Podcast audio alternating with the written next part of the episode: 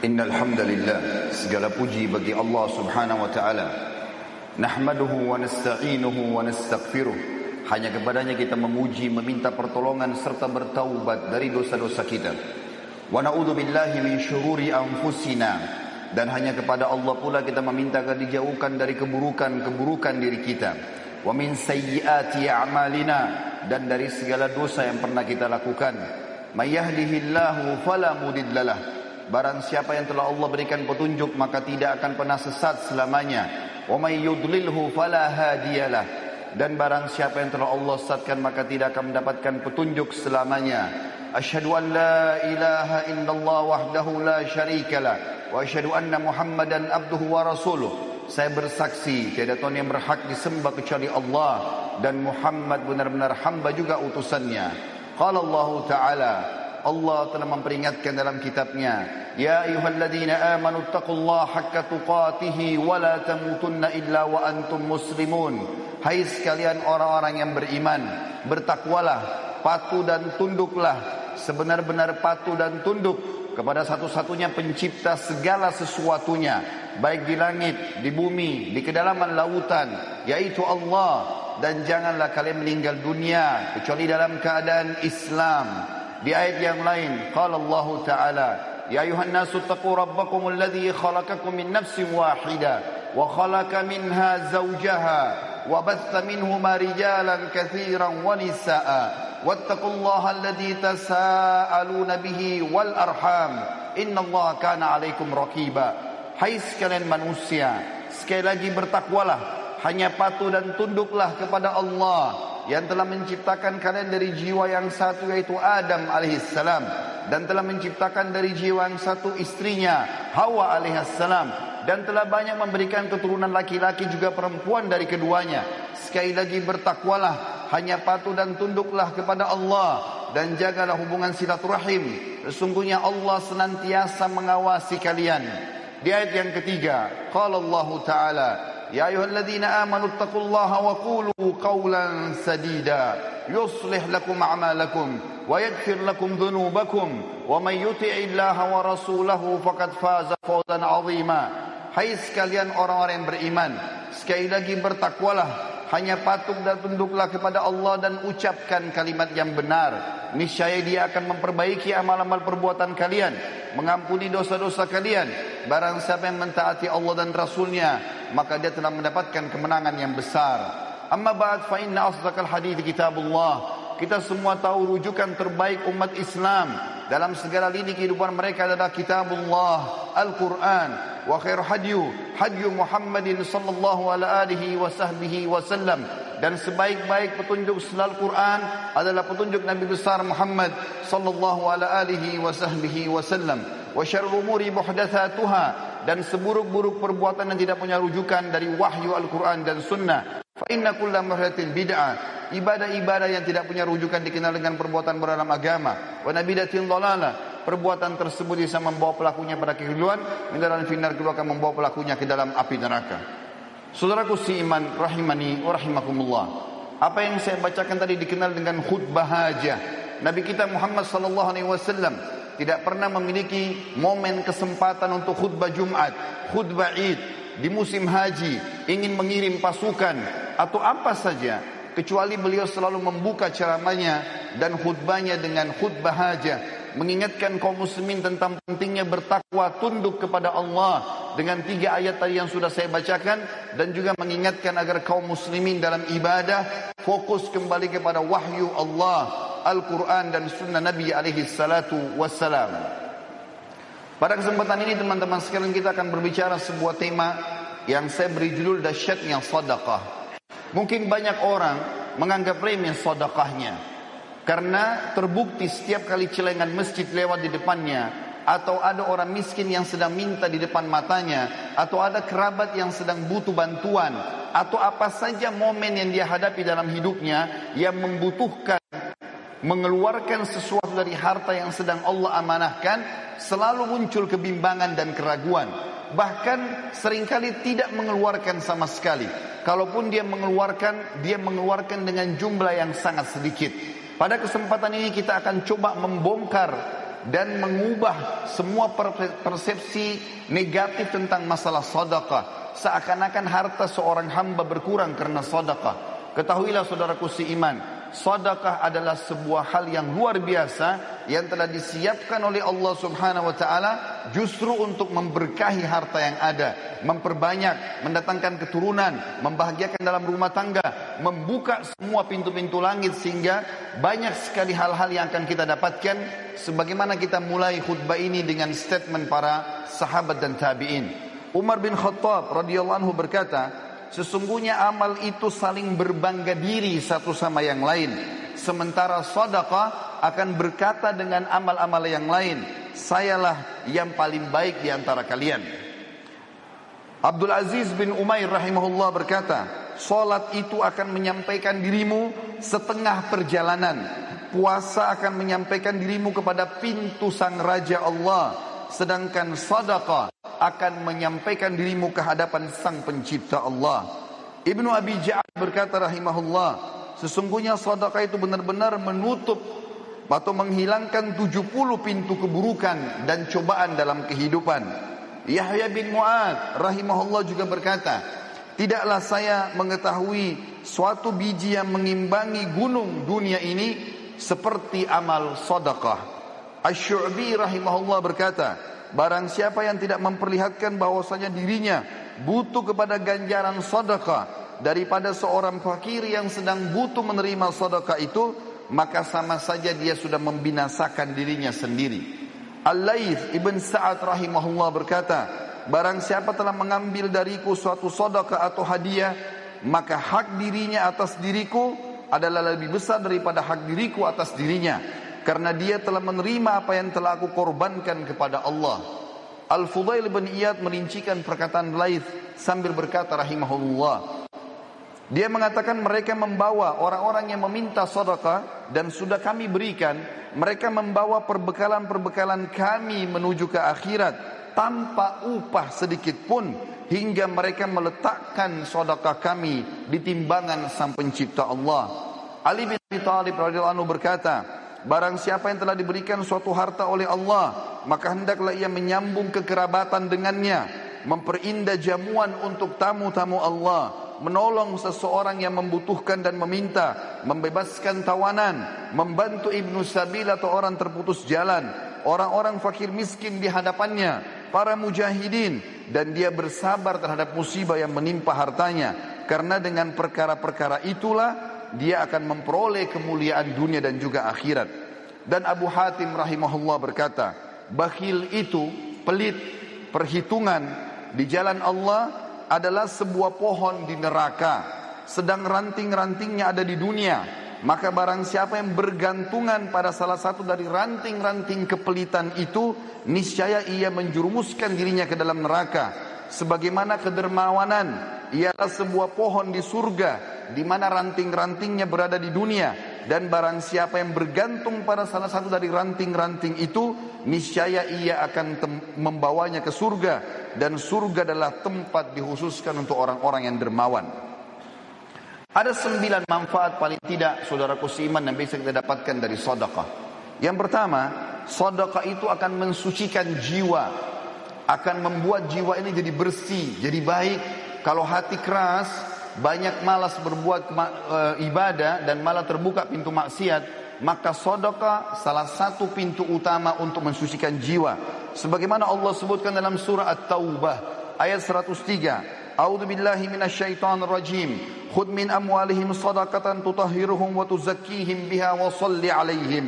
Inna salataka sakanul lahum wallahu samii'un 'alim.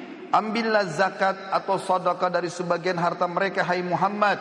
Dan dengan zakat atau sedekah itu engkau telah membersihkan dan mensucikan jiwa mereka. Dan berdoalah untuk mereka. Sesungguhnya doamu menjadi ketentraman jiwa mereka.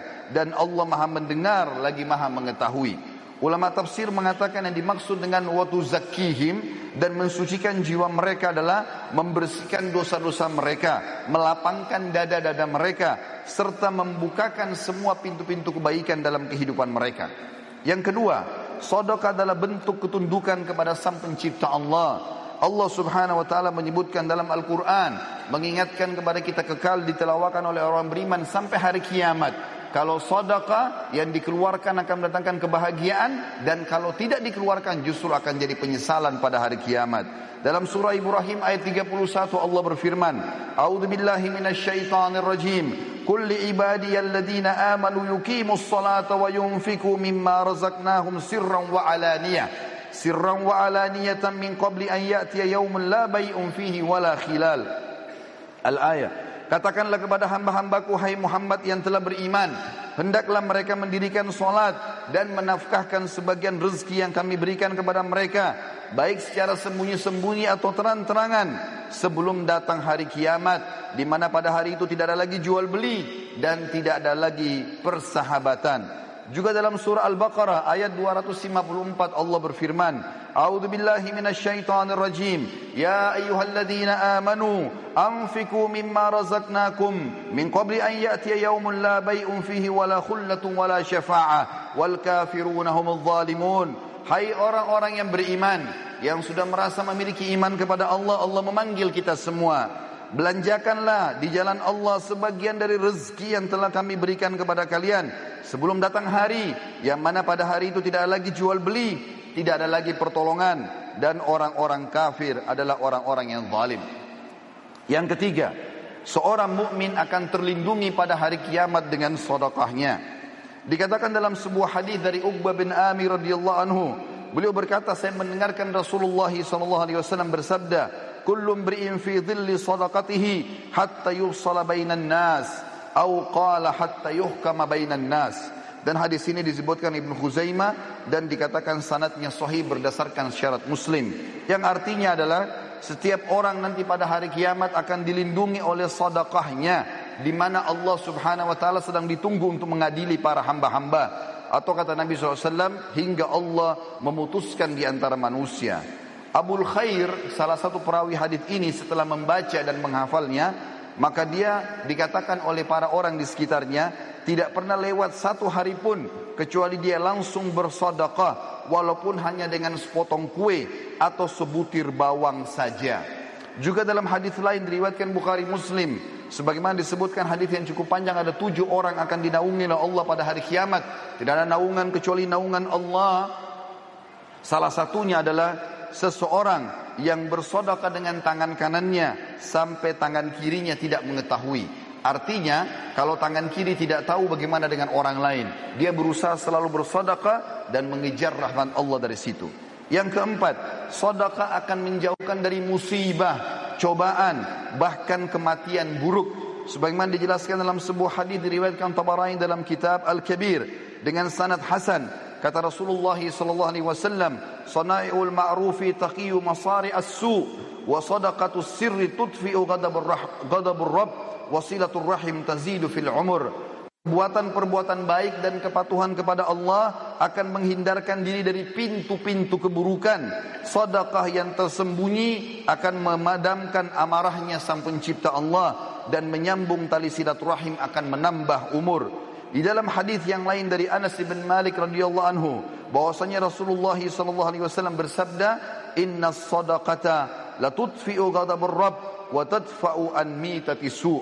Ketahuilah bahwasanya sedekah dapat memedam atau memadamkan amarahnya sang pencipta karena sudah melanggar dan menghindarkan diri dari kematian yang buruk. Kata Ibnu Arabi Al-Maliki rahimahullah, hakikat daripada terhindar dari kematian buruk adalah kematian dalam kondisi bermaksiat. Sementara Al-Mubarak Furi rahimahullah mengatakan, Al-Iraqi berkata, secara zahir maksud kematian buruk ialah kematian yang mana Rasulullah sallallahu alaihi wasallam berlindung kepada Allah darinya betapa atau berupa hancur, jatuh, tenggelam, kebakaran, tergoda syaitan pada saat sedang menghadapi sakaratil maut atau terbunuh pada saat lari dari kancah peperangan atau apa pun yang merupakan penilaian manusia itu adalah mati yang buruk. Yang kelima, sedekah adalah pelita kehidupan, akan memberikan cahaya pada wajah, pada tubuh, pada perilaku-perilaku, pada rumah tangga, pada usaha, pada interaksi dengan manusia. Sebagaimana disebutkan dalam hadis yang sahih diriwayatkan Imam Muslim, kata Nabi sallallahu alaihi wasallam, "At-tuhuru syatrul iman, walhamdulillahi tamla'ul mizan, wa subhanallahi walhamdulillahi tamla'ani, atau tamla'u ma bainas samawati wal ard." والصلاة نور والصدقة برهان والصبر ضياء والقرآن حجة لك أو عليك كل نفس كل الناس يغدو فبايع نفسه فمؤتكها أو موبكها Bersuci itu adalah bagian daripada keimanan. Alhamdulillah kalau diucapkan akan memenuhi timbangan pada hari kiamat. Subhanallah dan Alhamdulillah memenuhi apa yang berada di antara langit dan bumi. Salat itu akan menjadi cahaya kehidupan. Sementara sadaqah akan menjadi pelita kehidupan. Sabar itu akan menjadi penolong. Sedangkan Al-Quran bisa menjadi hujah terhadapmu atau menjadi penolongmu. Apabila kau meninggalkannya maka dia akan menjadi hukuman bagimu dan kalau kau mengamalkan isinya maka dia akan menyelamatkanmu. Setiap manusia berusaha untuk menjual dirinya dan menyelamatkannya. Di antara mereka ada yang membebaskan dirinya dengan kebaikan-kebaikan dan ada yang menghancurkannya dengan kemaksiatan. Yang keenam, sedekah itu bisa menebus seorang muslim dari hukuman sang pencipta Allah. Sebagaimana disebutkan dalam sebuah hadis, kata Nabi sallallahu alaihi wasallam menceritakan tentang Nabi Yahya alaihi salam. Beliau pernah berkata kepada umatnya, "Wa amurukum bis sadaqah." Fa inna mathala dhalika kamathali rajulin asarrahu atau asarahu al-adu فأوثقوا يده إلى عنقه وقدموه ليضربوا عنقه فقال ana afdihi minkum bil qalili wal kathir fafada nafsahu minhum saya memerintahkan kalian untuk bersedekah karena yang demikian itu seperti seseorang yang sedang ditawan oleh musuh dan mereka mengikat erat tangannya ke lehernya dan dihadapkan untuk dipenggal lehernya Kemudian dia pun berkata kepada orang-orang yang akan memenggalnya, saya menebus diriku dengan seluruh harta yang aku miliki. Akhirnya mereka pun melepaskannya. Nabi SAW telah menyerupakan seorang pemberi sadaqah seperti tawanan. Lalu sadaqah hadir untuk membebaskan dia. Yang ketujuh, Allah akan mengembalikan apa yang dikeluarkan. Sedikit dikeluarkan maka Allah akan berikan besar. Mengeluarkan satu kali sadaqah apa pun sifatnya. Maka pada saat itu minimal balasan Allah sepuluh kali lipat. Bahkan bisa sampai tujuh ratus kali lipat dan kelipatan-kelipatan yang banyak. Allah menyebutkan dalam surat Sabah ayat 39. A'udzu billahi minasyaitonir rajim. Qul inna rabbi yabsutur rizqa liman yasha'u min ibadihi wa yaqdiru lah wa ma wa ma anfaqtum min syai'in fahuwa yukhlifu wa huwa khairur raziqin. Katakanlah hai Muhammad kepada hamba-hambaku, sesungguhnya Tuhanku melapangkan rezeki bagi siapa yang dikehendakinya di antara hamba-hambanya dan menyempitkan bagi siapa yang dikehendaki. Tapi siapa yang ingin diluaskan rezekinya, maka bernafkalah di jalan Allah pasti Allah akan menggantikan dan dia sebaik-baik pemberi rezeki. Di dalam sebuah hadis yang sahih riwayat Imam Muslim, kata Nabi sallallahu alaihi wasallam Allah berfirman hadis qudsi, "Ya ibna Adam, anfik, unfik alaik." Wahai anak Adam, keluarkan dulu di jalanku, maka aku akan berinfak kepadamu. Juga dalam hadis yang lain di mana Nabi SAW menyebutkan dalam hadis Bukhari Muslim, "Ma min yusbihul ibadu fihi illa wa malakani yanzilan." Fayaqulu ahaduhuma, "Allahumma ati mumfikan khalafa," wa yaqulu al-akhar, "Allahumma ati mumsikan talafa." Tidaklah suatu hari lewat kecuali Allah menurunkan malaikat dua orang. Yang satu berkata, "Ya Allah, berilah ganti rezeki yang luas bagi orang yang berinfak. Dan yang satu lagi mengatakan ya Allah berikanlah kebinasaan dan kesempitan hidup bagi orang yang kikir.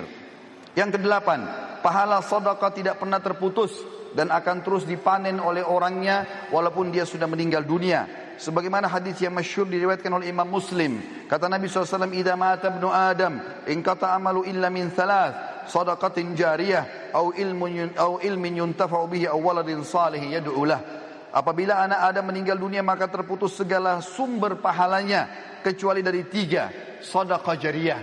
Berapa banyak teman-teman sekalian celengan masjid yang lewat depan kita yang sudah jelas-jelas dipakai untuk aktivitas kebaikan tapi kita sia-siakan bahkan kita berusaha untuk mencari uang yang paling kecil padahal itu akan menjadi amal jariah buat kita. Mungkin untuk pembangunan, tempat kamar mandi, atau mungkin biaya untuk kegiatan-kegiatan agama. Berapa banyak yang kita bisa dapatkan, tapi orang sering melewatkan kotak-kotak amal tanpa memberikan sedekah. Berapa banyak orang miskin yang sudah minta depan matanya, maka syaitan membisikkan sambil mengatakan orang itu masih kuat, mungkin anak pinjaman. Atau apalah bahasa syaitan. Dan dia masih bisa bernegosiasi dengan syaitan sehingga buku amalnya kosong dari sedekah pada hari itu. Padahal jelas-jelas itu akan menjadi penyebab bergulirnya pahala setelah dia meninggal. Atau ilmu yang bermanfaat kata Nabi wasallam atau anak saleh yang mendoakan dia. Dan yang terakhir saudaraku seiman yang kesembilan adalah sedekah akan menghapuskan dosa-dosa. Sebagaimana disebutkan dari Muadz bin Jabal radhiyallahu anhu bahwasanya Nabi alaihi salatu wasallam bersabda dalam hadis sahih riwayat Tirmizi, "As-sadaqatu tudfi'ul khati'ah kama yudfi'ul ma'un nar." Ketahuilah sedekah akan menghapus kesalahan sebagaimana air memadamkan api. Nabi alaihi salatu wassalam adalah orang yang paling gemar bersedekah. Bahkan dalam riwayat dijelaskan kalau Nabi sallallahu alaihi wasallam tidak pernah menolak siapapun yang minta kepada beliau. Dari Jabir bin Abdullah radhiyallahu anhu beliau berkata, "Ma su'ila Rasulullah sallallahu alaihi wasallam syai'an qad?" Faqala la. Tidak pernah Rasulullah SAW dimintai sesuatu lalu dia mengatakan tidak. Juga dari Anas bin Malik beliau berkata, "Masuila Rasulullah sallallahu alaihi wasallam alal Islami syai'an illa a'tah, wa laqad ja'ahu rajulun fa'atahu ghanaman baina jabalaini, faraja ila qaumi faqala ya qaum aslimu fa inna Muhammadan yu'ti ata'an la yakhshal faqr." Tidaklah Rasulullah SAW dimintai sesuatu kecuali pasti beliau selalu memberi. Bahkan beliau pernah memberi seseorang yang belum masuk Islam ada domba yang berada di antara dua gunung sampai akhirnya dia pulang ke kaumnya lalu mengatakan hai kaumku masuklah kalian ke dalam Islam karena Muhammad memberikan pemberian yang tidak akan pernah membuat kita miskin. Bahkan Nabi SAW mengajarkan para istri beliau. Di antaranya beliau berkata kepada Aisyah pada saat sudah menyembeli seekor domba lalu beliau bertanya waktu sudah disuruh bagi-bagikan? Kata Nabi SAW bagilah.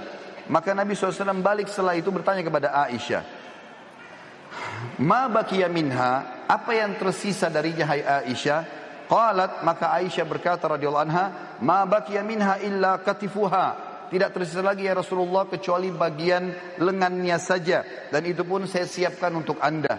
Maka kata Nabi SAW, bakiya kulluha ghaira katifiha. Ketahuilah bahwasanya tersisa semuanya justru yang tertinggal hanyalah lengannya saja atau pundaknya saja. Artinya yang sudah kamu sudah sodakakan justru itu yang terbaik yang kita panen pahalanya pada hari kiamat dan itu yang kekal sementara yang tertinggal kita makan akan habis dengan itu. Begitu pula dengan banyak sahabat Nabi Ridwanullahi alaihim yang luar biasa dari sisi infaknya Abu Bakar, Uthman dan luar biasa mereka tidak pernah menolak sesuatu. Abdullah bin Umar pun radhiyallahu anhu Beliau pernah ingin sekali makan ikan, lalu kemudian datang seseorang fakir mengetuk pintunya sementara dia lagi puasa dan akan berbuka puasa. Maka dia bilang sama pembantunya, berikanlah kepada orang miskin ini. Maka pembantunya mengatakan, Tuan, bukankah anda lebih butuh dengan masalah ini? Maka kata Abdullah bin Umar, sesungguhnya Allah mengetahui kalau Ibnu Umar menyukai ikan tersebut. Dan pada saat itu Allah menginginkan aku memberikan yang terbaik, maka berikanlah kepada dia. Lalu kemudian dia berbuka puasa dengan kurma yang kering. Aisyah radhiyallahu anha pernah juga begitu lagi puasa, ingin berbuka puasa lalu tidak ada sama sekali makanan kecuali roti kering. Maka ada orang yang minta di depan pintu rumahnya, maka Aisyah pun berkata pada pembantunya, radhiyallahu anhum ajma'in, berikanlah kepada fakir miskin ini. Pada saat diberikan, pembantu itu mengatakan apa yang akan kita makan? Buka puasa tidak ada makanan. Maka kata Aisyah dengan penuh keyakinan, Allah pasti akan mendatangkannya. Sebelum menjelang azan maghrib, datanglah seseorang dari penduduk Madinah memberikan seekor kambing yang utuh, diberikan dengan di, di, dihiasi dengan minyak samin dan za'faran. Utuh diberikan ke rumah Aisyah anha. Lalu Aisyah pun berbuka puasa dengan pembantunya pada saat sambil berkata makanlah daging ini sesungguhnya ini lebih baik daripada roti yang sudah kamu infakkan itu Abu Dahda radhiyallahu anhu sahabat Nabi yang mulia luar biasa. Beliau mendengarkan firman Allah turun di dalam surah Al-Baqarah 245 yang bunyinya a'udzubillahi minasyaitonir rajim man dzalladzi yuqridullaha qardan hasana. Siapakah yang ingin meminjamkan untuk Allah dengan pinjaman yang baik? Maka Abu Dahda datang kepada Nabi SAW mengatakan ya Rasulullah apakah Allah minta pinjaman dari kita? Kata Nabi SAW iya.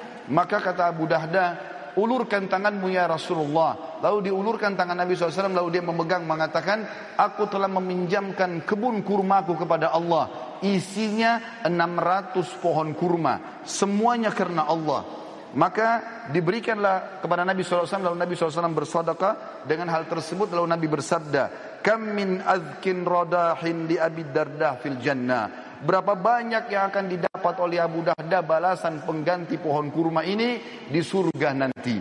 Terus Nabi SAW ulangi sampai banyak di antara sahabat yang menangis melihat sodaka tersebut. Abu Talha radhiyallahu anhu juga bersedekah dengan luar biasa. Beliau punya sebuah kebun kurma namanya Bayruha. Itu luar biasa indahnya dan ada mata air yang dingin di situ. Nabi SAW suka minum dari situ setiap harinya. Maka dia pun berkata, Ya Rasulullah, Aku telah membaca firman Allah dalam surah Al-Imran ayat 92 yang bunyinya A'udzu billahi minasyaitonir rajim lan tanalu birra hatta tunfiqu mimma tuhibbun wa ma tunfiqu min syai'in fa innallaha bihi alim. Kamu sekali-kali tidak akan pernah merasakan kesempurnaan dalam balasan pahala kebaikan sampai kalian menginfakkan yang terbaik yang kalian miliki dan sungguhnya apa pun yang kalian infakkan Allah Maha mengetahui. Maka dia pun berkata, sesungguhnya harta yang paling aku cintai adalah perkebunan kurma Bayruha dan aku ingin menginfakkannya di jalan Allah. Maka Nabi SAW mengatakan, "Bakhin, zalika malur ribh, zalika malur rabih." Wa qad sami'tu ma qultu wa inni ara an taj'alha fil aqrabin. Faqala Abu Talha af'al zalika ya Rasulullah. Artinya sungguh keberuntungan kau hai Abu Abu Abu Talha, sungguh keberuntungan hartamu ini menguntungkan sekali dan aku telah mendengar kau menginfakkan di jalan Allah dan aku memerintahkan kamu untuk memberikan kepada sanak kerabatmu terdekat. Abu Talha pun mengatakan iya. Sebagai penutup teman-teman saya minta waktu sekitar 2-3 menit saya akan menyampaikan beberapa kisah berhubungan dengan pentingnya sodaka dan ternyata dia bisa menyembuhkan banyak penyakit. Di antaranya disebutkan bahwasanya atau beranjak daripada hadis Nabi Shallallahu Alaihi Wasallam. Dengarlah saudaraku seiman yang masih punya penyakit kronis, yang sudah bertahun-tahun tidak sembuh penyakitnya, yang punya masalah tidak selesai-selesai, ribut dalam rumah tangga, anaknya sakit, pekerjaannya tidak berkembang, apa saja. Sabda Nabi Shallallahu Alaihi Wasallam yang masyhur dalam hadis Sahih riwayat Al Baihaqi, dawu mardakum bis sadaqah, wa amwalakum biz zakah, wa iddu lil du'a. Obatilah orang-orang yang sakit di antara kalian dengan sadaqah. Bentengilah harta kalian dengan zakat. Dan siapkanlah untuk menghadapi musibah dengan doa-doa. Ibnu Qayyim berkata, setiap dokter yang tidak mengobati pasiennya dengan memeriksa hati, kebaikan, dan kekuatan ruh, dan menguatkan hal-hal tersebut dengan memerintahkan pasiennya bersadaqah, berbuat kebaikan dan kebajikan, juga bertaubat dan mengingat akhirat, maka dia bukanlah seorang dokter yang hakiki, tapi dia dokter yang baru saja belajar. Disebutkan dalam sebuah kisah bahwasanya seseorang datang kepada Abdullah bin Mubarak. Dia mengatakan, Hai Abdullah bin Mubarak, seorang ulama tabi'in. Lututku telah mengeluarkan nanas selama tujuh tahun. Aku sudah coba berobat di sana sini tapi tidak pernah sembuh. Maka Abdullah bin Mubarak mengatakan, keluarkan harta terbaikmu, lalu alirkanlah air untuk muslimin. Gali sumur. Maka aku berharap dengan itu Allah menyembuhkan penyakitmu. Orang itu pun melakukan, maka sembuhlah lukanya seketika pada saat itu. Seorang ibu lagi difonis sakit keras, tidak bisa sembuh lagi, maka anaknya keluar mencari fakir miskin dan bersodokah. Pada saat dokter mengatakan sudah tidak akan pernah sembuh lagi, ternyata ibu tersebut setelah si anak mencari orang miskin dan sengaja bersodokah untuk itu, maka Allah sembuhkan ibunya dari penyakit kronis. Allah subhanahu wa ta'ala juga dalam kisah yang lain mengangkat penyakit kanker dari seorang laki-laki yang sudah difonis tidak akan pernah bisa meninggal, tidak akan bisa hidup lagi dari Saudi, dia berangkat ke Eropa untuk membiayai kankernya. Dan ini ada beberapa organ tubuh yang harus dirusak dan diangkat. Maka dia pun pulang ke negaranya, pamit dengan kerabat-kerabatnya, mungkin dia akan meninggal setelah operasi ini, menyusun seluruh harta-hartanya. Pada saat dia menuju ke bandara, dia temukan ada satu orang miskin di pinggir jalan.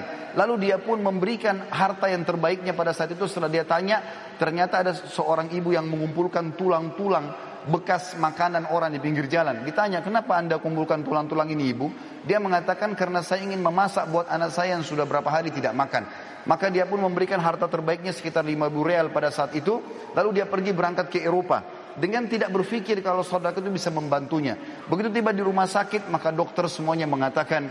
Kamu sudah berobat ke mana? Kenapa tiba-tiba kankermu sudah tidak ada? Apa kau permainkan kami? Kata dia sama sekali saya tidak pernah berobat ke dokter, tidak berobat ke rumah sakit, tapi saya sudah mengeluarkan sedekah di jalan Allah. Maka dokter-dokter tersebut pun mengatakan, sungguh ajaran agamamu benar, lalu mereka akhirnya masuk Islam justru karena sembuh atau orang ini sembuh dari penyakit kanker karena bersedekah dan sekian banyak kisah yang luar biasa yang mungkin tidak bisa disampaikan semua pada khutbah Jumat ini karena melihat waktu yang sangat terbatas semoga kita sudah bisa mengambil manfaat dari apa yang saya sampaikan. Aku lu qauli hadza saya sudah mengucapkan perkataan saya ini wa astaghfirullah li dan saya mengajak jemaah sekarang untuk istighfar kepada Allah dan juga diri saya sendiri. Fastaghfiruhu innahu huwal ghafurur rahim. Memohon ampun dari semua kesalahan karena Allah Maha menerima taubat hamba-hambanya. Alhamdulillah wassalatu wassalamu ala Rasulillah Segala puji bagi Allah Subhanahu wa taala juga salawat dan taslim kepada Nabi besar Muhammad sallallahu alaihi wasallam di hari Jumat ini teman-teman sekalian adalah hari yang sangat mulia dan ada waktu dipastikan diijabah atau diterima doa seorang muslim. Ada dua riwayat. Riwayat yang pertama diriwayatkan oleh Imam Nasai kata Nabi sallallahu alaihi wasallam, tidak ada seorang muslim yang berdoa di hari Jumat kecuali diijabah dan kejarlah itu antara asar sampai menjelang terbenam matahari. Dan dalam riwayat yang lain, riwayat Imam Muslim, kata Nabi SAW, waktu mustajab di hari Jumat adalah pada saat khatib duduk di antara khutbah kedua dan sampai diikomahkan sholat. Makanya semua khatib yang faham ini pasti akan berdoa di khutbah keduanya. Marilah kita hadirkan hati dan pikiran kita untuk berdoa kepada Sang Pencipta Allah. Semoga saja Dia mengijabah doa kita. Alhamdulillahi Rabbil Alamin. Kami memujimu ya Allah sebagaimana layak kau dipuji sebagai pencipta. Kami memujimu sampai engkau ridho terhadap pujian kami. Kami tidak hadir di sini kecuali karena ingin mengerjakan perintah yang sedang engkau perintahkan kepada kami. Maka ikhlaskanlah niat kami. Dan kami juga mengucapkan salam hormat kami penuh dengan cinta dan rindu kepada utusanmu dan juga kekasih kami Nabi besar Muhammad sallallahu alaihi wasallam sebagaimana engkau mengucapkan salam hormat kepadanya bersama dengan malaikatmu. Ya Allah, ampunilah kami, kedua orang tua kami, seluruh kerabat kami, seluruh kenalan-kenalan kami dan muslimin juga muslimat, mukminin dan mukminat yang hidup dan juga yang sudah meninggal. Kami sangat fakir terhadap rahmatmu ya Allah. Kami berharap rahmatmu yang sangat luas yang telah mengalahkan murkahmu. Engkau timpahkan kepada kami sepenuhnya. Berikanlah kami uh, pahala dan juga balasan yang paling lengkap dari rahmatmu ya Allah. Ya Allah, tolonglah saudara-saudara kami di Palestina, di Syria, di Yaman, di Irak, di Myanmar, di Ahsa, di mana pun mereka berada sedang tertindas.